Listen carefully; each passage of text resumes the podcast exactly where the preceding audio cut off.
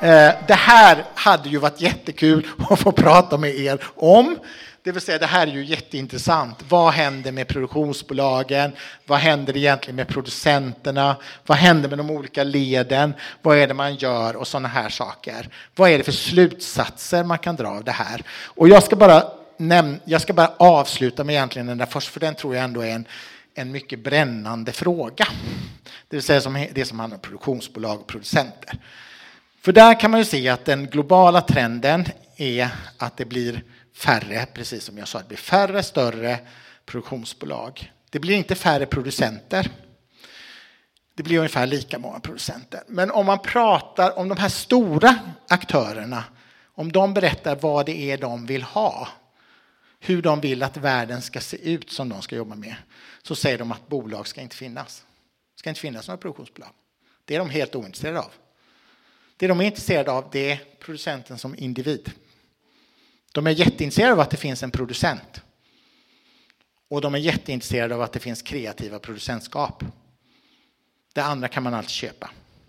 Det är de intresserade av. Men många på den här C21 som är en jättestor tv-drama-event som äger rum i London slutet på november normalt, sett början på december varje år, så sa i princip alla stora aktörer det. Vi vill egentligen ha väck det ledet. Och det är samma diskussion som egentligen har förts om distribution och säljled förut. Men nu ytterligare ett snäpp. Nu tror inte jag att produktionsbolag rent generellt sett kommer att försvinna. Jag tror att vi kommer att ha kvar produktionsbolag. Men det kommer att vara mycket mer kritiskt vilka det är som kan överleva. Och där tror jag det där med profilering, med om man inte kan vara en stor liksom global, eller om man inte har det där starka ägarskapet och man kan liksom ha någon slags dubbel business. För man, det kan man ju se väldigt tydligt att många har idag, man är mer än ett produktionsbolag.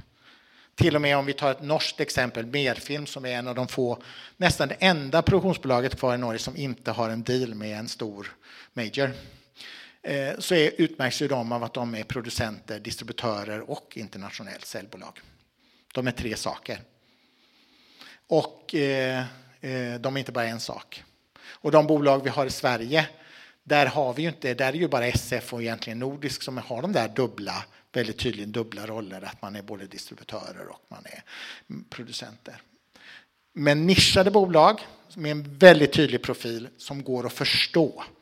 För dem finns det ett utrymme. Och det här tror jag är en jätteviktig fråga för de som är bolag om man vill finnas kvar i den här världen. Att verkligen prata om vad är det som gör, varför ska vi?